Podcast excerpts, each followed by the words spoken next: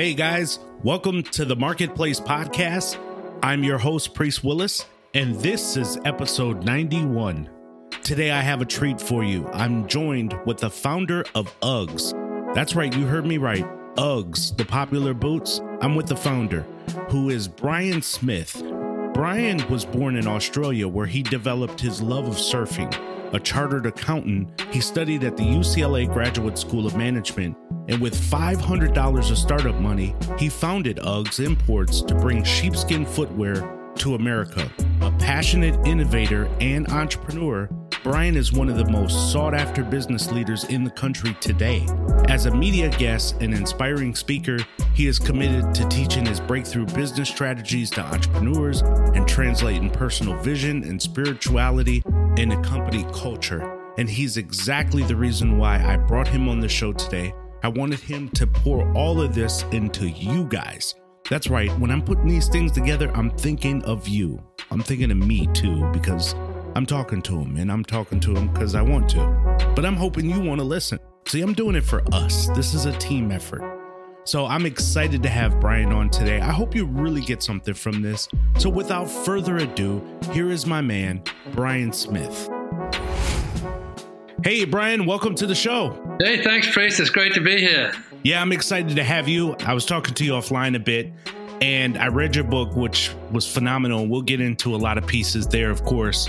I just want to talk about you first of all, because there's a lot of times where people are most interested in the business that people create and not so much the person to me, you actually have something that's even greater than than Uggs, at least in my opinion, since I don't wear Uggs, but my daughters love them. But it's you, the businessman. I mean, you have so many layers to you. I was really looking forward to sharing those layers with our listeners here. So why don't you tell the audience a little bit about yourself? The long, deep and layer is that I used to be an accountant, like a CPA, but uh, I quit the day I graduated because it took 10 years to graduate and I never liked it. and I uh, had this sort of feeling inside I wanted to be in business for myself.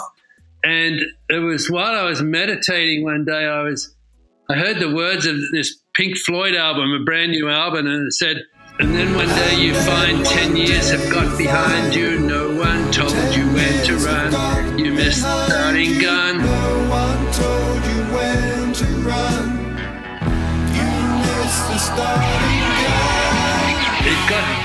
Goosebumps all over me, and I, and I thought, oh my God, all my friends are tracking off to partnerships in the accounting world or they started their businesses, and I've been running on the spot for 10 years.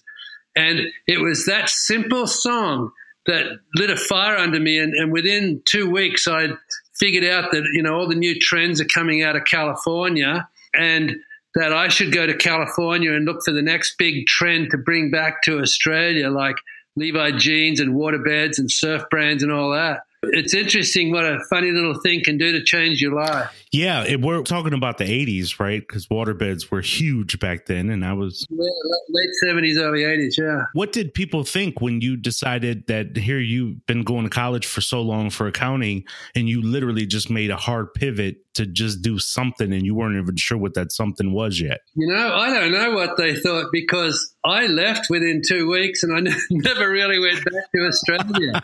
Parents were pretty upset, but apart from that, there was you know, no no effect. What did they say to you? Did they say? My dad just said it was a stupid dream and I'm throwing my life away and everything. But we fought for like weeks until I reminded him that he was a contractor mm. and an entrepreneur, and why should I be any different? And I think I realized at that time he was trying to protect me from all of the adversity that happens when you are an entrepreneur. Mm-hmm. Sometimes you can overprotect your kids and cut them out of life. And I think he sensed that that's what he was doing. And I sensed that he really was just trying to protect me and we came to an understanding and then so i just came and you know we've been fine ever since that's really interesting because i do believe that as parents we tend to overprotect our kids because you know, sometimes we blaze a trail. We know the challenges, the bricks that are thrown at you, if you will, yeah. and we try to prevent that with yeah. our children. But sometimes you almost have to let them go through it themselves so they can navigate those waters. Sort of like the greatest adversity is never having known adversity. Yeah. That's where you grow from. And one of the quotes that I read on your Instagram page, which I think kind of alludes to this a little bit too, and we'll talk about where this was at from a business perspective, but you say difficulty, disappointment, and uncertainty are gifts in disguise. Yeah, that's so true. So sometimes a lot of those gifts that, you know, our kids can unpack as they learn lessons we're kind of cheating them out of that opportunity to unpack their gifts because we're trying to prevent them from having any difficulties in life. It's probably why society is in, sort of in the way it is today, but I'm not going to go there because we this is not the right time. no, but at some point we can maybe on another show for sure. Yeah. But here you are, you step away from accounting and you wanted to get into a product or a niche that was interesting and a bit unique. So we're talking about Uggs here. Take us through that and maybe any other business experiences that you had that led up to that. It's really interesting how I found that. Uh, I brought my surfboard because I wanted to surf Malibu all my life.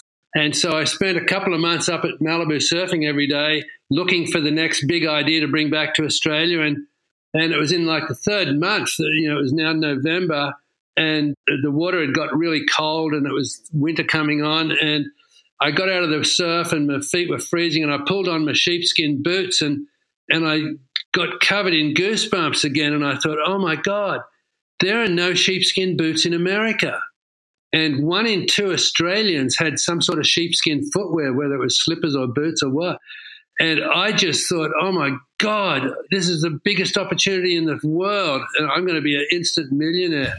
You know, it wasn't rocket science. It was just like coming to the awareness that, my God, this doesn't exist here, you know? Now, this is, and I don't mean to laugh, but this is where most entrepreneurs are like, yeah, I totally hear you. I have that same millionaire idea. Yep. And then reality hits, which is exactly why I love your book because you kind of walk through yeah. the phases of business and the realities of business, if you will. I have a great saying that, that is, you know, every good entrepreneur must have some level of ignorance because otherwise you'd never start. That's true. You know, had I known more about this UGG situation, I probably wouldn't have started. But I, I just thought I'm going to be an instant millionaire. So, you know, we bought six pairs of samples in and I went to all the shoe stores and got shut out. It was like, we don't sell sheepskin in California. You're crazy. And I knew they were wrong because the climate in Australia is the same as California. And, you know, when I was thinking, well, how come all my buddies up at Malibu think this is the best idea in the world? It struck me that they all surfed and they'd all been to Australia for their surf trips. And had brought four or five pairs of sheepskin boots back for their buddies. So within the surf community, it was really well known. So, so I just switched gears and went after the surf shops, and I took my samples in and said, you know, I'm thinking of going into business, and every one of them just said, "Oh man, you, you're going to do great. They're fantastic. You know, you're going to kill it. You're going to be huge business." And so I finished all those road trips, you know, in late November, and I raised twenty thousand dollars, believe it or not, just from friends who were looking to invest, and sent it down to Australia. And by mid-December, I got in five hundred pairs, mm. and I went back to the surf shops now with a full bag of you know, product and an order pad, and I said, "Okay, how many do you want?" And one after the other, they go, "Oh, well done, Brian." You know, but we couldn't sell them out of our store. We just sell surfboards and trunks and flip flops. You know, you should go to the shoe stores. You're going to make a fortune. This happened all the way down the coast from from like Malibu all the way down to Tijuana. And when I got back after that road trip, I tallied up the orders for the year. And guess the first year of sales of UGG was 28 pairs exactly a thousand dollars. So you're stuck with 570 480 yeah. yeah or 480 pairs of, of boots what do you do with that many boots now that you you're holding on to that would have been a good time to give up but just like i never gave up trying to be an accountant i didn't want to give up this and I, and I had all my investors money tied up in my third bedroom you know full of UGG boots so I started doing swap meets and uh, street fairs. And the best thing I had to get rid of boots was I, I, filled my van up full of all the different sizes and colors and went up to Malibu surfing. And after surfing, I'd have the back of the van open and I had a steady clientele coming in, you know, just from word of mouth. And so then, you know, that next, you know, tail end of the winter, I sold about 5,000 bucks worth and then I had to get a summer job. And then the next year I said, okay, okay I'm going to start advertising and really trying to get into the retail stores. So I ran these ads of a couple of models that I'd hired and posed them on the beach, you know, on the rocks at sea Beach in La Jolla, and had perfect hair and perfect clothing and perfect, you know, boots and perfect sunset. And I ran the ads, and the sales went to like ten thousand dollars, you know. So, you know, I had to get another summer job. And then the next year I said, okay, I'm going to hire better looking models and better photographer. And I ran the same type of ads and the sales went to like $25,000 and I couldn't figure out what's going wrong. And I ended up having a beer with one of my surf shop retailers and he just said, oh, shut up, Brian. And he called out the back to these young kids who hang out, in, you know, in the back of the store. And he said, what do you guys think of Ugg boots? Like they all came out saying, oh, those Uggs, man, they're so fake. Have you seen those ads? Those models, they can't surf. Mm. And I instantly knew I was sending the wrong message to my target market.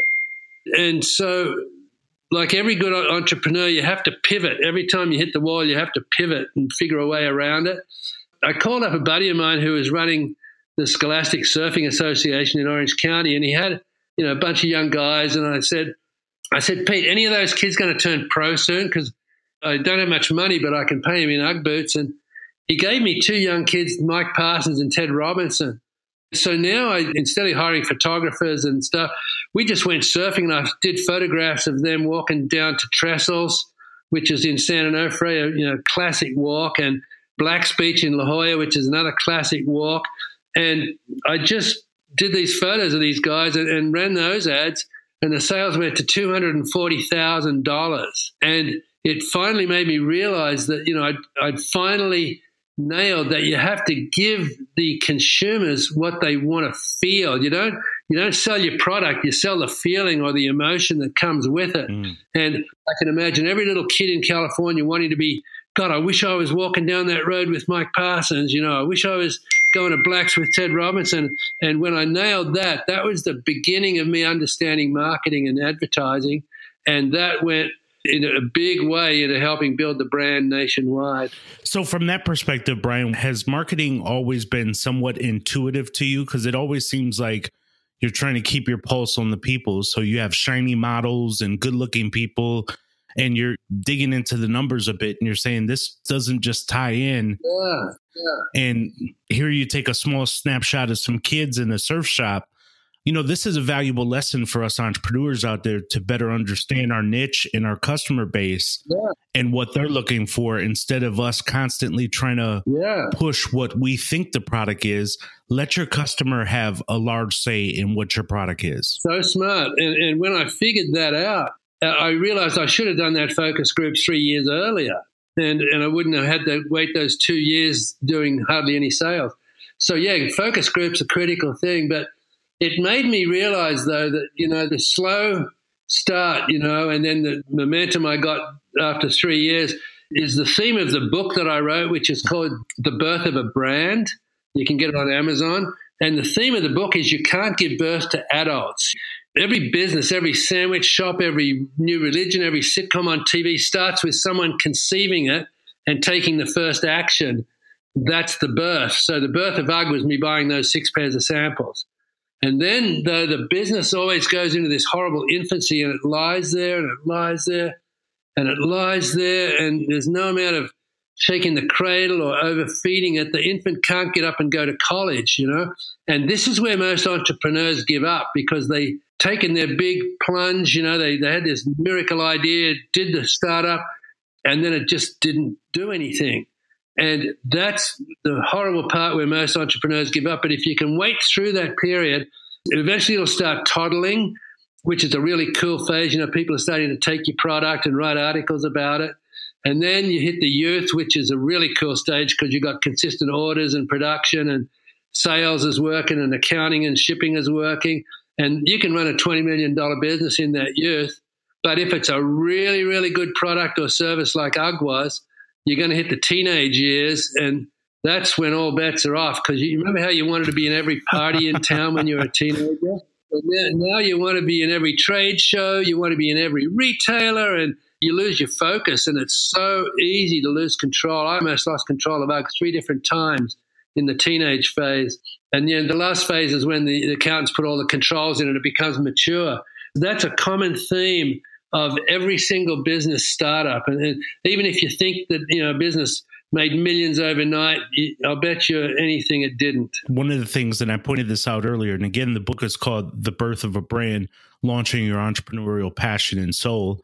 You know, I had an opportunity to read a copy ahead of this interview here, and it was really good because, again, there was you and another author that I've read that kind of laid out their business and was very sensible and practical in the approach. You and I kind of talked about this, but sometimes it's almost disheartening to see people talk about hustle and grinding with some insincerity. They almost make it seem like it's just do it and it'll all work out when there has to be some focus, some persistence, some patience with your business, almost like with a child, something that you're raising and bringing along.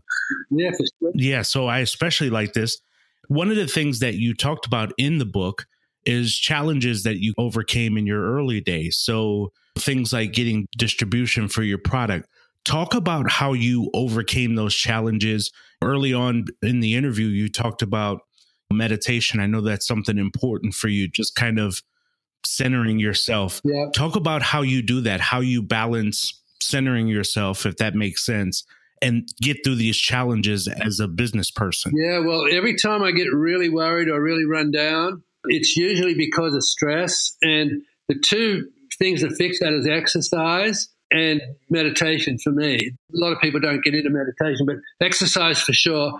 But for me, I just try to go back to my center and try and figure out what's at the root of this? And uh, when I was feeling like really like a failure because I couldn't get into all the mall stores, I was in all the specialty surf shops and ski shops, and you know, snowboarding had just started there. I was making a really good headway into surf shops, but I felt like a failure because I couldn't get into all the big mall stores. And I was over in Chicago at Montgomery Ward, who was one of the biggest mall retailers and had a huge shoe department.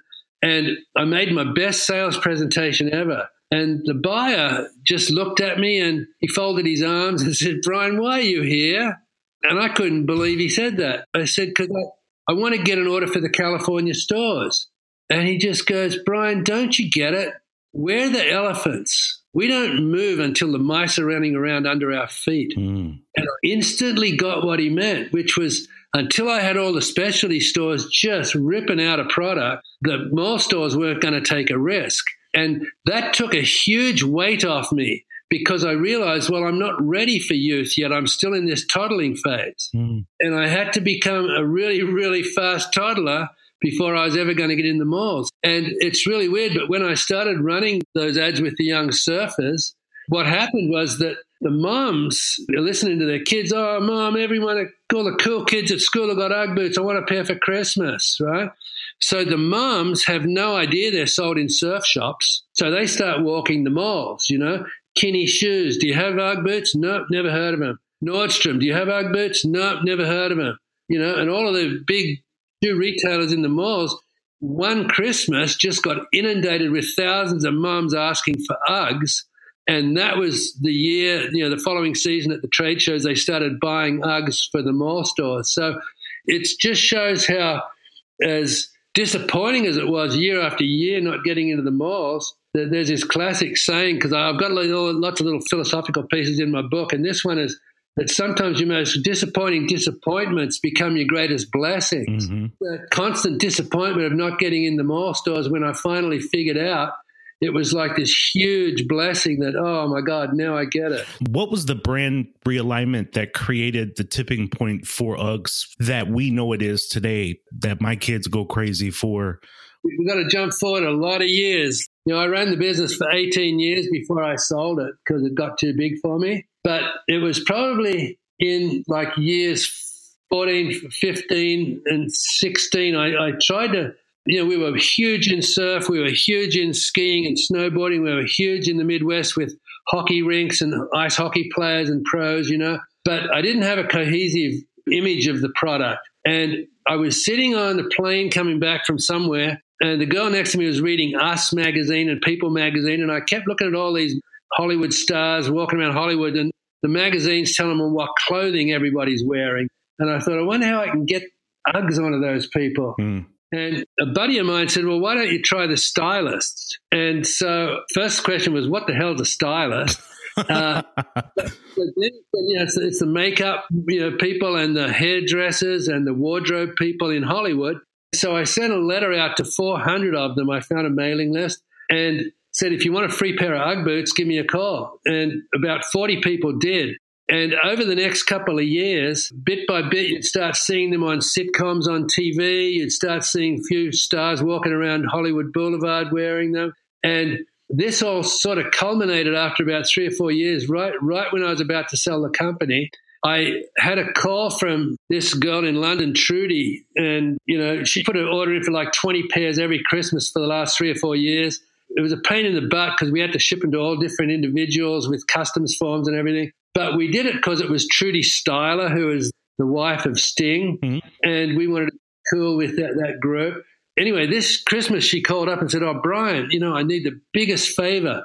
I've just been to a seminar and it's changed my world, and I want to get the perfect gift for this woman who was, ran the seminar. And, and she'd give, give me a pair of, you know, tall sand size, whatever, boots and make sure they're perfect. And here's where to ship them. Oprah, care of Oprah Winfrey. Mm. And that was the beginning of a really big love affair with Oprah and Uggs to where we got on TV, you know, on the best picks of Christmas, two years in a row, you know, with 20 minutes of nothing but Ugg boots.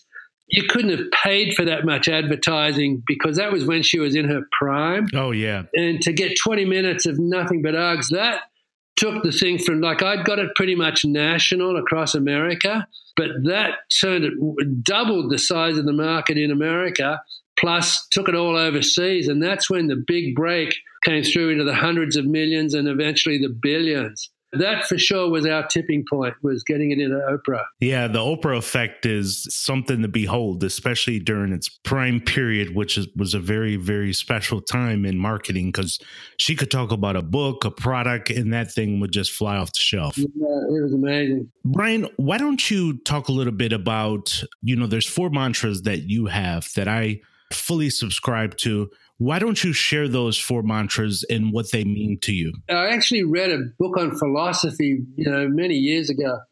And I just come through a year where I lost control of the business. I had a death with one of my partners, and my supplier in Australia, the main supplier, abandoned me because he didn't think I was going to be able to pull it all together. And I went through a year of tremendous uncertainty, huge amount of fear, I didn't know until September if I'd be able to stay in business for shipping boots in October, November, December. And everything was up in the air. Like a, a, a godfather supplier came through who owned a tannery and saved my butt in the 11th hour. And having gone through all of that, these four mantras are things I print out on a card. And every time I speak from the stage, I have cards for everyone in the audience. But, and it's in the book, you know, it's feast upon uncertainty, fatten upon disappointment, invigorate in the presence of difficulties, and enthuse over apparent defeat. And those four played out at different times in the business. The, the feast upon uncertainty was when I was first starting. I didn't have a clue for the first three years what I was doing. I was so uncertain. I was just throwing stuff up against the wall to see if it would stick. And like I told you, it took four years to get that first marketing campaign to work. But I look back and they were the best times. They were so much fun because the ignorance and the uncertainty was great. So feast upon uncertainty, fatten upon disappointment. Well, you know, you can imagine how disappointing you know, eight, 28 pairs of boots was for the first year's sale. you know, I, I just learned that that's life and that's going to keep happening. And instead of being knocked on your tail by disappointment, just feast on it. You know, I used to have this saying, you know, something goes wrong and I go, damn, that's good. Okay, now what's good about it? And it's uncanny, but within 24, 48 hours, you'll think of something to do better. And then you think, thank God that happened because I wouldn't have this new cool way of doing it. What's interesting about that, when I hear you talk about this, there's a Bible verse out there that says, as a man thinketh in his heart, so is he. And a lot of times yeah. that how we feel about situations and even other people is sometimes how we feel about ourselves turned inside out. Yep. So we almost have to change the toxic feelings that we have inside in order to change because you could have two people that live in the same neighborhood and one person walks out and say this is hell on earth and somebody else walks out that same block and says man this is the best neighborhood i've ever been in it's all about perception so i think this is really important in business yeah. is how we perceive difficulties yeah so the third one invigorate in the presence of difficulties that's usually, you know, they're saying, you know, when the going gets tough, the tough get going. That's all it is. But there's always going to be difficulties. And you can, like you just said, you can look negatively or positive on that. I chose look positively and then enthuse over apparent defeat. When my supplier abandoned me and, and you know, the partner had died and the other partners were trying to fight over who was going to get the business, it looked most of the year like I was defeated but I never ever admitted it. And I never ever gave up because the only time defeat is a real thing is the instant you give up. As long as you're still in the game, you're never defeated. And I was able to hang in there long enough through the most, it was the worst year of my life, time wise, health wise, worry wise, stress wise. But I came through that. And because I hung in there, this wonderful supplier came in and saved my butt and we were able to survive the season and that went on to become a billion dollar brand now and i could have easily given up so even though those four things sound negative if you look at feast fatten invigorate and enthuse they're four of the most positive statements you'll ever hear you know i have people you know come up to me at, a seminar and they go, Oh, I was here last year when you spoke. I've still got that card up on my refrigerator. I look at it every day, and it's the best damn philosophy, philosophy that I've, I've ever seen. So that's how important that is. That's really good. You know, somebody who's listening to this today, they themselves want to build a brand similar to you. They have a product, a widget, mm-hmm. something that they're doing. Right. What are some important steps or things that you can share, Brian, to them as they're almost at the infancy stage that you were once at yep. in their product and how they're building it? What would be some tips and tricks and thoughts you would share? This usually applies to people who are wanting to start but don't really know how, or they've just started and they're really not sure if it's going to survive or not. The critical thing is to get started and keep momentum going. Now, I'm going to illustrate this with a really great saying. Have you ever heard that the minute you start out on a path, the universe will conspire to work with you? Oh, yeah. That's been around for 2,000 years, right? Mm-hmm. So, what it means, though, people have lost track of what that means. And I'm going to ask you a question. When's the last time you saw an advertisement for a refrigerator? Uh, yeah, I don't, don't. I couldn't even begin to tell you when. Okay, but if you needed a refrigerator this weekend, you would start seeing evidence of refrigerators everywhere. You start seeing them on newspapers that are lying around. You drive by appliance stores and see refrigerators everywhere. You'll start seeing online ads for refrigerators. And the reason is this that the universe is perfect. Everything you could possibly want already exists in this universe. But if you're not out there looking for something, you're never going to see it. If you're not looking for a refrigerator, you'll never see the ads. Mm. You'll never see the evidence of what you want being there for your taking. Brian, I like where you're going with this. I wanted to jump in real quickly because I wanted to say at first I was going to say to you because I've heard that statement and it's a true statement when people think of a car unless they get to buy and then all of a sudden they see the car they decide they want to buy and at first, I'm like, is that the universe or I became aware? But you just said something that was really good where you say you begin to see it. So all of this stuff is going around us all the time. And always. It's always there. The things that you're looking for, the people that you're looking for to help invest, the systems, the processes, all of that is there but how many people can't see it is the difference. So that's a really good point. I'm sorry, go ahead. No, no, you're right, because most people don't see it. But once you get a little bit of passion in you about your new product or your new service or whatever it is, and you start to let that passion out to other people, they're going to start going, oh my God, he's into that. I, I know somebody who could use that.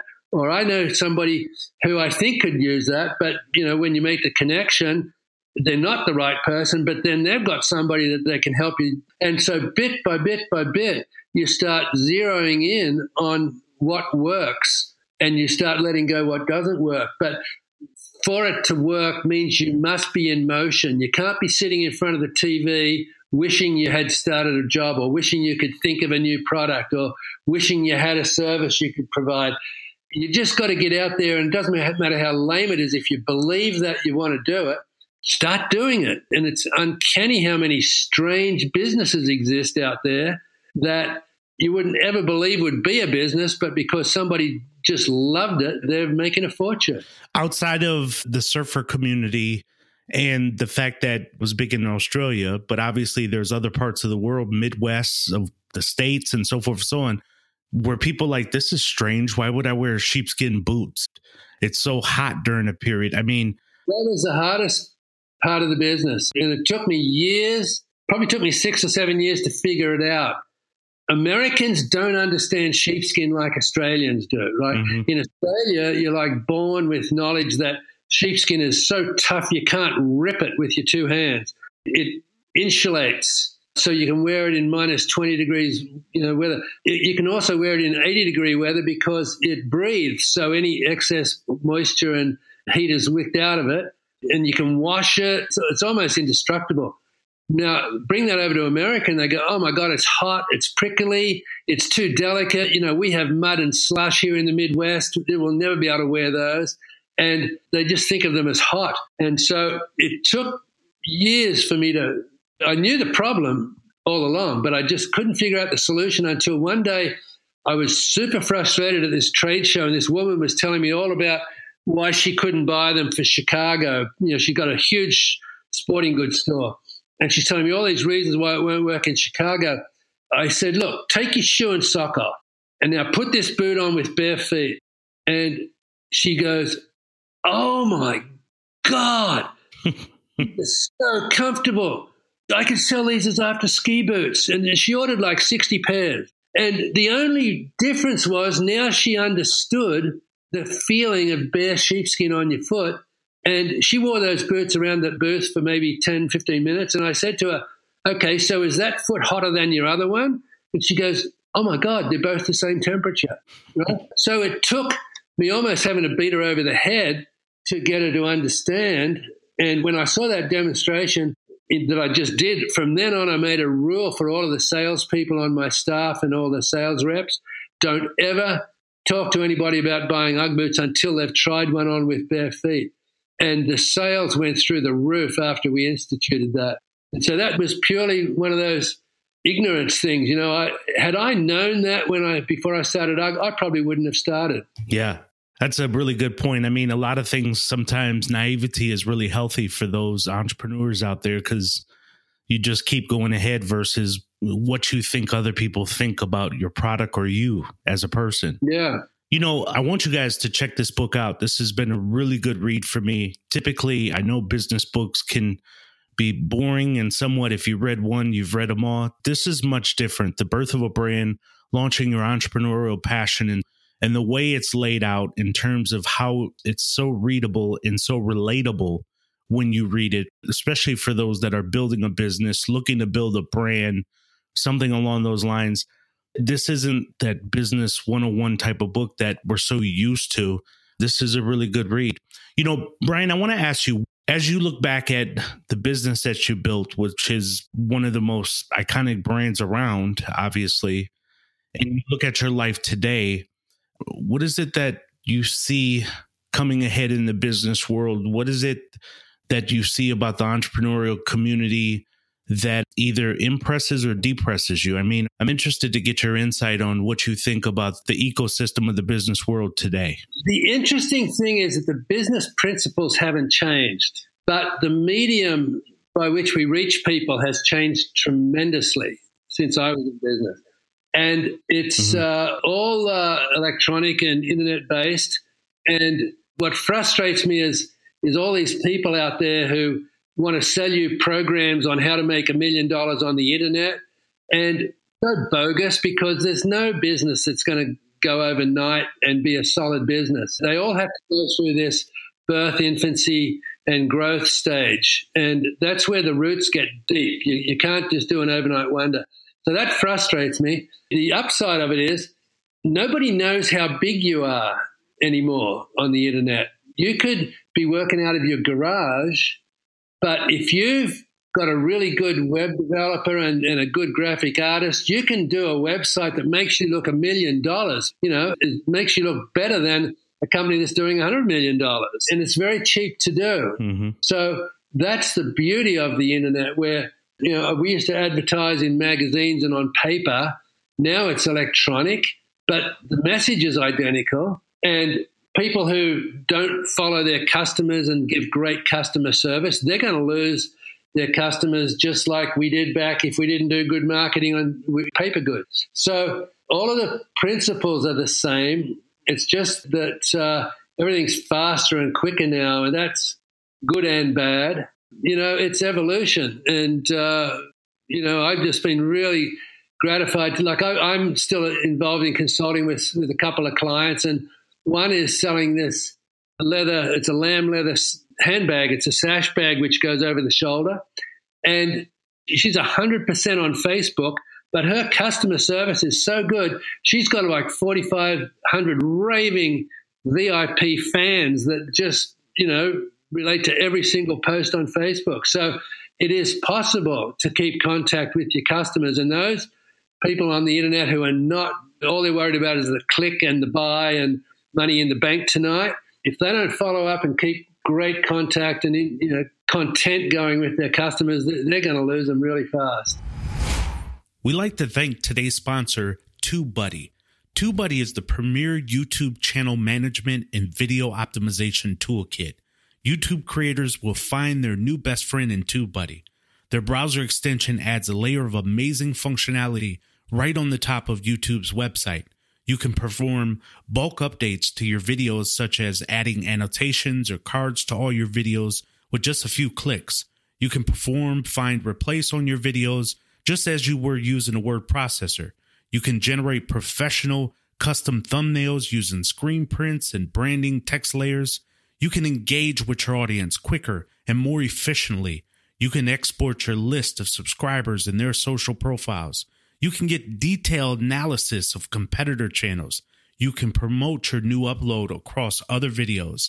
The list just goes on and on. Today's sponsor is TubeBuddy. Go into the podcast notes page and click on TubeBuddy and get it today. So you've made money, you've done well, you've built an iconic brand, you've done a lot in your time in business and outside, obviously. What are you most proud of? Boy, I think coaching San Diego State rugby team when I first came to America mm. for five years, and we ended up winning the national titles. That made me proud. Every time I look at a pair of UGG boots on the street now, even though I sold it, you know, a long time ago, mm-hmm. I am so so proud of that. You know, on a personal level, I got two beautiful daughters, and I'm really proud of how they've turned out. My pride is not so much from the business victories; it's more from being self satisfied that I gave it my best shot. And I did give UGG my best shot. I sold out for cash at a perfect time for me. And uh, it was like going public without having to go public.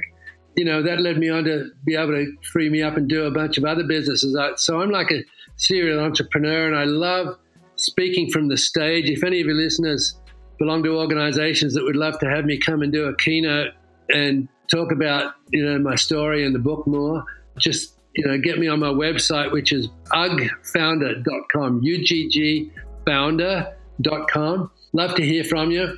And just the last thing, but back on the book, you know how you said it's different? Yep. I deliberately didn't put any pie charts in there or graphs or to-do lists or here's number one through 20 of the things you must do today. It's none, it's none of that shit because I, I hate business books. I can tell in five pages if this book's going to be real or not. My book, everybody says it's a page turner, and I'm pretty sure that's because they're never sure I'm going to be around next chapter. I, I tell it like it was. I don't pull any punches. It's boots on the ground. You know, Brian's life, you know, 18 years building UGG. And, you know, I did sell out for millions and I got lucky. But when you look at all the disasters that I went through, that's the real value of the book because seasoned entrepreneurs and CEOs, they relate to it because they go, oh my God, I remember that. Oh my God, I remember that. Oh my God, I remember that. And for those people just starting out, it's like, wow, I better be aware of that. I better be aware of that. So it's got something for everybody. It definitely teaches you about branding, customer service, marketing without sounding like it's teaching you about branding, customer service, marketing, sales. It has a way to teach you about business. And I don't feel like I'm learning about business, which can sometimes feel like I got to take a shower after I read some of these books. But this is really good. Brian, look, you've been so gracious. We're going to link up your stuff on the show notes, but feel free to share what you like Again, the book, it's a great book that I've read, The Birth of a Brand. We'll have a link in the show notes. How can people get in touch with you if they want to reach you? Again, they can just go to uggfounder.com and just connect with you right there. That's the best way. Great. Well, Brian, I appreciate you joining me. You've been a pleasure to have on. Hey, Trace, thanks a lot, man. I really enjoyed this. Thank you so much.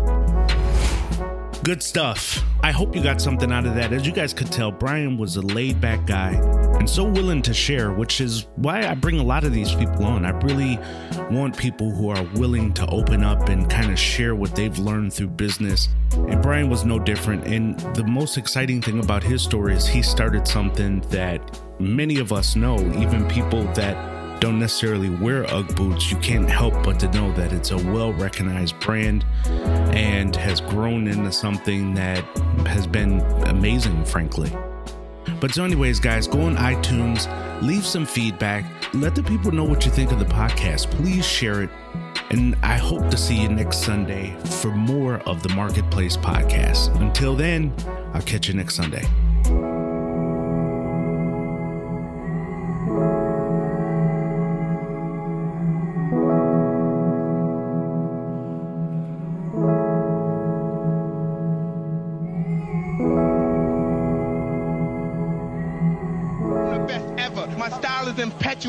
My defense is impregnable, and I'm just ferocious.